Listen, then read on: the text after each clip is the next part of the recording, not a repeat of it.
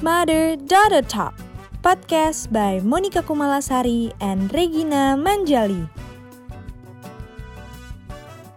Hai semua. Halo, jumpa lagi dengan kami. Saya Monica Kumalasari, biasa dipanggil dengan Mami Mon. Halo, um, aku Regina Manjali. Teman-teman biasanya manggilnya Angie. Um, hari ini kita kembali lagi dan mau membahas topik yang seru banget dan aku melihat uh, cukup relevan dengan kondisi kita, Kondisi saat, kita ini. saat ini. Jadi karena kita sekarang lagi di rumah aja, aku tuh kemarin sempat dicatin beberapa teman-teman. Hmm. Terus aku juga sempat uh, apa namanya kayak open poll gitu di Instagram. Jadi aku lagi megang Instagram namanya Tabu, teman-teman. Kalau teman-teman tahu, uh, kita bahas tentang keluarga. Ternyata banyak banget orang-orang tuh yang cerita bahwa mereka ngalamin konflik antara Hmm. uh, anaknya sama orang tua ataupun orang tuanya ada masalah terus kena ke anaknya. Hmm. Nah, hal-hal yang kayak gini tuh bikin jadi nggak betah di rumah. Hmm. Nah, kita hari ini mau bahas hal ini teman-teman. Gimana sih caranya untuk kita bisa uh, mempunyai komunikasi yang baik untuk bisa menyelesaikan konflik selama kita di rumah aja, biar betah. Oke, topik kita hari ini kita kasih judul hashtag bicara damai. Oke, nah berbicara mengenai bicara damai ini kita mengambil teorinya dari uh, Marcel Rosenberg ya ada bukunya yang judulnya non violence communication ini juga lagi belajar ini ya Iya, aku oke baca. Uh, uh, jadi uh, Marshall ini ya udah almarhum. Uh, beliau ini adalah seorang uh, psikologis dari Amerika ya. Nah, non violence communication artinya adalah berbicara tanpa kekerasan ya. Uh, kita udah udah udah banyak uh, membaca literatur ini dan juga contoh-contohnya. Jadi biar gampang ya uh, kita aja yang belajar tapi kita sosialisasikan dengan bicara damai Iya, gitu ya. Bicara damai. Uh-uh. Nah, sebetulnya ada tiga aspek. Sebelumnya saya akan kenapa sih uh, Mami Mon seneng banget dengan uh, si NVC ini? Yang pertama adalah karena dia sangat simple ya, dan juga dia clear gitu. So so we love simplicity gitu ya. Nah, kenapa kita perlu bicara damai? Ada tiga alasan ya. Karena kadang-kadang kita pengen mengekspresikan sesuatu ya, atau karena kita listening to others ya, kita mendengarkan orang nih kayak Angie tadi eh, teman-temannya atau dari tabu dan sebagainya semua pada curhat. Atau kita pengen listening to ourselves ya. Ada tiga alasan ini. Nah, dari tiga alasan ini maka eh, contohnya ya kita kasih contoh dulu deh sekarang apa yang sedang dirasakan atau mungkin eh Angie mau kasih sesuatu nggak yang yang mengandung unsur violence di rumah Bentar. Um, kalau aku coba reflect, sebenarnya ada sih pengalaman sama mami juga Ah, di rumah. Jadi uh, waktu itu belum lama, kalau mami ingat, kita kan suka pesen tuku nih, kopi tuku ya pakai GoFood, GoSend. Ah. Nah, um, waktu itu tuh hari itu aku nggak ngerti kondisinya gimana, tapi pokoknya abis pesen, aku naik ke atas, terus mami tuh manggil aku teriak-teriak. Hmm. Mami manggil aku teriak-teriak, um, pokoknya bilang katanya salah alamat, dan gitu. kapan Terus- ya aku lupa. Terus pokoknya waktu itu katanya salah alamat, abangnya katanya ngamuk-ngamuk di telepon. Terus aku ngomong sama abangnya, ternyata abangnya biasa aja cuma memastikan aja bahwa em, alamatnya udah bener, terus pakai apa rumahnya yang pagar hitam dah gitu doang. Jadi sebenarnya tuh nggak nggak masalah sama sekali tapi mami tuh teriak-teriak dari bawah. Terus aku yang kayak bener-bener uh gitu. Jadi kayak kayak emosi sampai atas sampai ubun-ubun gitu. Terus em, ya udah itu aku aku berusaha menenangkan diri aku sih. Tapi tuh sepanjang beberapa jam ke depan tuh aku jadi bete gitu loh. Padahal kayak ya udah itu aku harus kerja tetap harus kerja dan apa segala macam. Tapi bawaannya jadi bete dan jadi kayak eh sebel banget gitu. Ingat Oh. nggak? Eh, lupa. Nah, kadang-kadang kan gitu ya terhadap eh, sesuatu kejadian ya, orangnya sendiri eh, lupa kejadiannya. Kayak apa sih? Masa sih gitu. Padahal untuk Angie sendiri itu mungkin membekas gitu ya. Nah, eh kita kalau menggunakan NVC ya, tadi Angie bilang bahwa hal ini eh, teringat banget padahal orang yang melakukan itu juga lupa. ya. Nah, em, step yang nomor satu, ya, kita harusnya mengobservasi dulu nih. Ya, step nomor satu yang dikatakan dalam apa eh, teorinya mengenai NVC adalah kita melakukan observasi. Observasi itu apa sih, gitu ya? Nah, observasi ini adalah diibaratkan, dimetaforkan seperti kamera. Oke, sekarang mami pegang kamera nih, ya. Kamera itu hanya menjelaskan mengenai eh, seseorang ya kejadiannya seperti apa bisa nge-record video dan sebagainya ya. Atau saya boleh melihat bahwa ini boleh aja disebut sebagai 5W1H apa yang sedang terjadi pakai apa ada siapa aja dan sebagainya dan bagaimana gitu kan. Nah oke nah jadi artinya ketika kita melihat satu rekaman di kamera baik itu foto still ataupun video ya kan nggak ada captionnya sebetulnya dan apa yang tergambar di sini adalah sesuatu yang netral Jadi benar ya netral ya ah. Jadi nggak nggak ada judgement nggak ada judgement suatu kondisi ataupun situasi. Yes. Nah, terhadap si hal yang membuat Angie bete banget, Mm-mm. ya. Kalau kita ibaratkan sekarang sebagai uh, rekaman ulang dari si kamera ini, atau kita masuk ke step nomor satu observation, maka apa yang bisa diobserve? Kayaknya ya, aku coba recall. um, waktu itu mungkin aku lagi kerja, mama juga kayak lagi ada zoom call ya. Mm-mm. Zoom call apa apa ikut ikut session gitu. Terus pokoknya dua-duanya sebenarnya sama-sama ribet. Terus habis itu uh, kalau aku boleh menempatkan judgement, mungkin I assume um, mam mami nggak suka kayak apa dihubungin abang-abang ojek kayak gitu-gitu karena ribet aja. Kayak padahal kan udah jelas ya udah pasti alamatnya udah tapi mereka kan emang suka konfirmasi. Nah kalau aku boleh menempatkan judgement kayak mami nggak suka hal tersebut makanya minta aku. Hmm. ya nggak sih? Oke. nah tapi aku nggak tahu nih. Nah, cuma mungkin kayaknya kondisi realnya waktu itu ya udah itu kalau aku coba jadiin pakai kamera gitu ya itu eh, kita sama-sama lagi ribet. Hmm. Gitu. Terus aku juga jadi kayak harus back and forth back and forth gitu. Jadi nggak bisa bener-bener menuntaskan di bawah terus sampai kayak abangnya datang Oke, kalau kita bisa flashback ulang, lihat rekamannya, maka kita bilang, oh waktu itu lagi siang-siang, ya kan? Oh si maminya lagi zoom call, terus tiba-tiba si Angie-nya pengen beli kopi tuku, Iya. ya kan? Terus Angie request kepada mamanya, terus mamanya bilang kalau oke pesen ya di sana pakai akunnya mami, gitu kan? Nah terus akhirnya si Angie abis pesen, ya, terus habis itu handphonenya ditinggal, terus dia naik ke atas karena ruang kerja dia ada di lantai dua gitu kan. Nah kemudian karena pakai handphonenya punya maminya ma- maka si abang ojolnya menghubungi telepon si maminya gitu. Maminya pada saat itu sedang repot lagi konsentrasi nggak mungkin ngurusin ojol. Terus kemudian dia karena ngeliat nggak ada orang di sekitarnya terus dia kemudian berteriak dengan suara keras manggil Angie-nya gitu ya. Nah Berarti itu yang harus kita ungkapkan pada step nomor satu observasi. oke. Oke, paham nggak? Jadi tidak ada judgmental seperti kita suruh ngeliat lagi rekaman yang ada di sini exactly.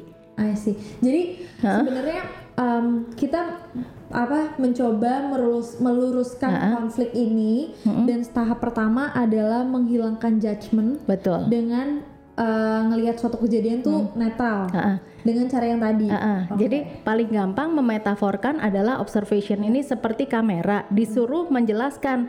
Artinya kalau menjelaskan nggak usah dikasih caption. nggak usah pakai baper-baper. Nggak usah pakai baper, nggak usah pakai judgmental juga. Nyokap gue misalnya eh, apa namanya eh, sukanya teriak-teriak, ya teriak emang benar gitu, Pak. Tapi kan nggak selalu, bukan artinya melabel bahwa nyokap gue ini keras gitu. Hanya di momen itu aja gitu ya. Tapi ini memang hal yang sulit sih menurut aku karena kayak apa namanya kita tuh refleksnya langsung kayak dek gitu ngasih judgement sama satu kejadian terus kita langsung kayak ngerasa sesuatu gitu. Nah, oke, berarti yang banyak itu adalah judgment atau our thought, ya. Nah, jadi kalau tadi kita eh, yang paling aman adalah observe dulu nomor satu. Saya balikin lagi ya di kamera. Jadi ya udah ceritain aja apa yang terjadi di situ. Nah, yang kedua ya, ini belum yang kedua, tetapi yang menyertai apa yang ada di sini adalah karena kita menggunakan thought, ya. Thought ini adalah eh, ya judgmental kita, saya pakai metafor ini. Ini apa? Ya? Ini kayak serigala atau mungkin ini kayak jackal ya. Nah, dalam FVC itu disebutnya dengan jackal. Jackal ini salah satu eh, ciri khasnya adalah pointing ya. Nah, kalau tadi Angie bilang apa namanya nyokap gue gitu ya, dia mulai pon- pointing, terus dia mulai memasukkan judgmentalnya, ya, bukan kepada hal yang netral lagi nih. Ya ya. Eh, ini saya skip dulu, tetapi ini ini muncul karena eh, menyertai si eh, si observasi Ya, ya, ya. tadi, gitu ya. Paham paham. Nah, tahap nomor dua ya itu adalah meneliti apa sih feeling kita, apa itu feeling, Feeling itu perasaan. Ha, perasaan. Apa nah, yang kita rasakan? apa yang dirasakan terhadap si tadi kejadian tadi, event tadi, kira-kira apa yang Angie rasakan? Sebel, Sebel, marah, emosi. Oke, itu feelingnya ya, sebel, marah, emosi gitu. Nah, eh, dalam satu kejadian ya, kadang-kadang feelingnya itu bukan cuma tunggal, tetapi beberapa feeling, ada turunannya Iya. gitu ya. Nah, eh, kadang-kadang kita juga susah, nggak tahu deh suruh cerita apa, tapi kesel aja gitu ya. Padahal keselnya tuh terdiri dari banyak banget. Nah, ini sangat menolong banget kalau kita eh, apa mau bicara damai. Jadi kita bisa menggunakan a list of feeling. Jadi ada tuh daftar-daftarnya. Apa aja sih yang termasuk dalam uh, feeling kita yang biasa dirasakan. Nah, uh, kami juga punya nih kartu-kartu feeling nih kayak gini. Oke. Ya. Jadi ini semacam kita punya semacam tools, Tools. untuk bantu kita identify feeling apa yang kita rasain. Karena ha-ha. kadang feeling yang muncul tuh sebenarnya bukan cuma satu, Betul. tapi bisa gabungan feeling-feeling, bisa yang Gabungan kayak feeling, ha. kayak kadang-kadang bingung, aduh gue nggak galau tapi gue nggak tahu kenapa. Kayak Kok dengan nyokap gue teriak gue jadi insecure? ya gitu. Jadi Ha-ha. ternyata sebenarnya banyak Ternyata feeling-feeling banyak feeling-feelingnya yang ya. muncul. Nah, ini tujuannya kalau kita melihat kepada list of uh, feelings atau feeling cards, kartu feeling, ini akan men-trigger kita, iya nih ngerasa ini, iya nih ngerasa ini, gitu ya. Itu nomor dua adalah Ya. mendefine feelingnya apa sih, Nanti Gitu. kita ini ya share juga ya ya, tentang ini. uh-uh, Oke, gitu ya. Itu tadi tahap nomor dua, udah paham? paham. Oke.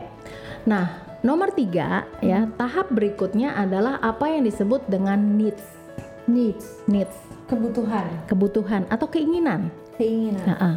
Nah, gini, in ev behind the judgment pasti ada needs.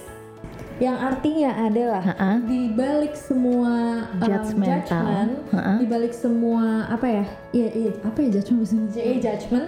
Thought ada juga bisa. thought, ada su- suatu kebutuhan Mm-mm. yang mungkin kebutuhan itu bisa aja hilang, bisa aja bertambah, Iya. bisa aja ya pasti berubah gitu. Iya, Ataupun kayak um, ya itu that's the thing behind it ya. ya. Nah, tadi kalau kita lihat kepada contohnya Angie ya, eh, kira-kira kenapa sih needs apa sih sebetulnya yang ada di balik eh, Perasaan. judgmental tadi, Di eh, eh, balik di judgmental? Oh, eh, eh. berarti um, apa ya? Mungkin judgement yang aku berikan itu adalah mami nyebelin Mm-mm, karena uh, teriak-teriak, mm-mm, ngomongnya marah-marah. mm. Jadi mungkin uh, kalau aku tarik lagi dan dengan perasaan marah aku, kalau aku tarik lagi, needsnya mungkin aku lebih seneng kalau uh, mama ngomongnya baik-baik. Kebutuhan apa sih yang harus difulfill? kebutuhan bicara halus apa Kebutuhannya mungkin seperti ini. Ya saya pengen dihargai aja sih. Nggak usah lu teriak-teriak lah ya, Ya, ya, gitu ya. Ha-ha. terus apalagi misalnya oh ya aku juga pengen damai sih. Gila lo lihat TV aja udah bikin stres kayak gini di rumah tambahin lagi. Nah kan tadi waktu bilang needs-nya apa sih? Kan susah nih mendefine. Ya apa ya? Gitu. Nah dengan di trigger dari list list yang ada needs list ini ya atau needs card ini ya membuat kita jadi iya itu bener aku tuh sebetulnya pengen bahwa damai di rumah. Aku sebetulnya eh, pengen bahwa aku juga dihargai sebagai ya ya kayak mitra kerja kan kita kayak co-working nih sebetulnya di rumah gitu ya. Nah ini ada a set of needs card ya untuk me- menggali sebetulnya needs apa yang kita perlukan. Kalau bisa gitu. kasih contoh, needs itu selain kayak case yang aku tadi, ternyata kayak butuh dihargai. Itu apa lagi ya? Oke, kalau dalam contoh tadi ya, Uh-uh. uh-uh.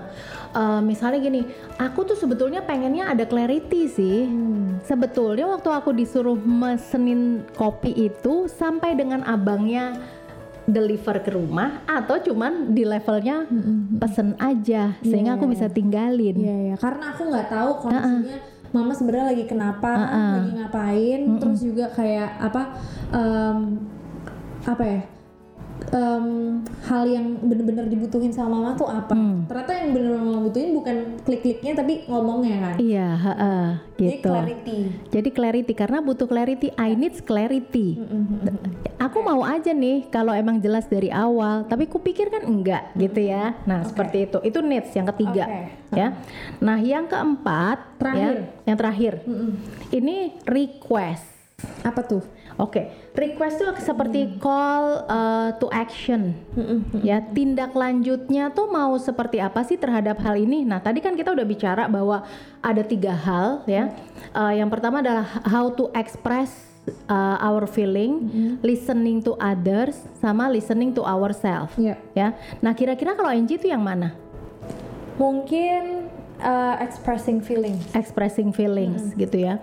Nah, kalau expressing feelings kira-kira bagaimana dengan dengan si bicara damai atau dengan menggunakan tools NVC ini ya. Maka yang pengen dilakukan adalah uh, dua-duanya sama-sama terkoneksi dengan enak. Ya, jadi request ini lebih kepada uh, berbicara dengan cara yang dua-duanya nggak merasa harmful gitu ya. Nah, kira-kira Angie akan melakukan dengan cara apa nih? Karena kan pengen mengekspresikan supaya maminya juga tahu. Mungkin ngomong, um, Mam, gak usah pakai teriak-teriak ya. Mam nggak usah pakai. Nah, oke. Nah itu itu artinya demand, Oh. ya kan? Karena kamu butuh ketenangan sehingga Oke. eh lain kali nggak usah teriak-teriak deh. Jadi ada perbedaan antara Ha-ha, request sama request sama demand ya. Demand Sementara si tadi. tipsnya tadi nomor 4 adalah kan request. Contohnya request gimana? Mam, boleh nggak uh, lain kali Biar sama-sama enak. enak. Kalau mama butuhnya apa, diperjelas Mm-mm. ke aku. uh, karena aku juga lagi ada call. Tapi nggak apa-apa, ntar aku bantu pesenin aja. Cuma uh, nanti kasih tahu aku aja cara apa dengan cara komunikasi yang lebih enak. Gimana ngomong? Iya. Gitu ya? jadi bisa nggak? Mam, besok-besok kalau kejadian kayak gini lagi, diperjelas aja. Maksudnya aku cuman mesenin atau sampai nunggu si abangnya dateng, biar sama-sama enak gitu. Tapi beda, itu tadi request ya, beda dengan demand ya. Kalau demand adalah yang nggak usah pakai teriak-teriak kali. Hah. Tapi gimana cara aku ngasih tahu bahwa aku nggak suka cara komunikasi yang teriak-teriak, tapi tetap pakai cara caranya dengan baik gitu. Oke, berarti gini, eh, request kan ya, gitu. Boleh nggak lain kali diperjelas sehingga kalau misalnya mama eh, lagi eh, sibuk juga nggak perlu teriak karena teriak dari bawah ke atas itu banyak energi yang terbuang. Jadi Ya kan? aja. Atau ya nggak sih chat aku aja terus justru telepon aku mungkin di bawah itu akan lebih enak. Mm. Tapi daripada intinya adalah tidak pointing. Nah, ini dalam konteks ini saya mau memetaforkan dengan ini apa, nih? jerapah. Iya, giraffe ya. Ini uh, dianggap sebagai binatang yang melihatnya secara futuristik karena karena apa? Lehernya juga panjang sehingga dia bisa melihat ini secara helikopter view. Hmm. Ya, secara kedua belah pihak tidak ada yang merasa terlukai. Ya, gitu. Jadi uh, apa si request ini tadi bisa mewakili kepentingan kedua belah pihak. Gitu ya. Jadi saya wakili dengan ini. Rather dan kalau demand tadi ya itu adalah si ini si Jekyll ini. Pointing lain kali jangan teriak-teriak kalau mau pesen sesuatu. Tetapi kalau ini boleh nggak? Lain kali diperjelas dulu. Clarity dulu aku suruh mesinnya seperti apa?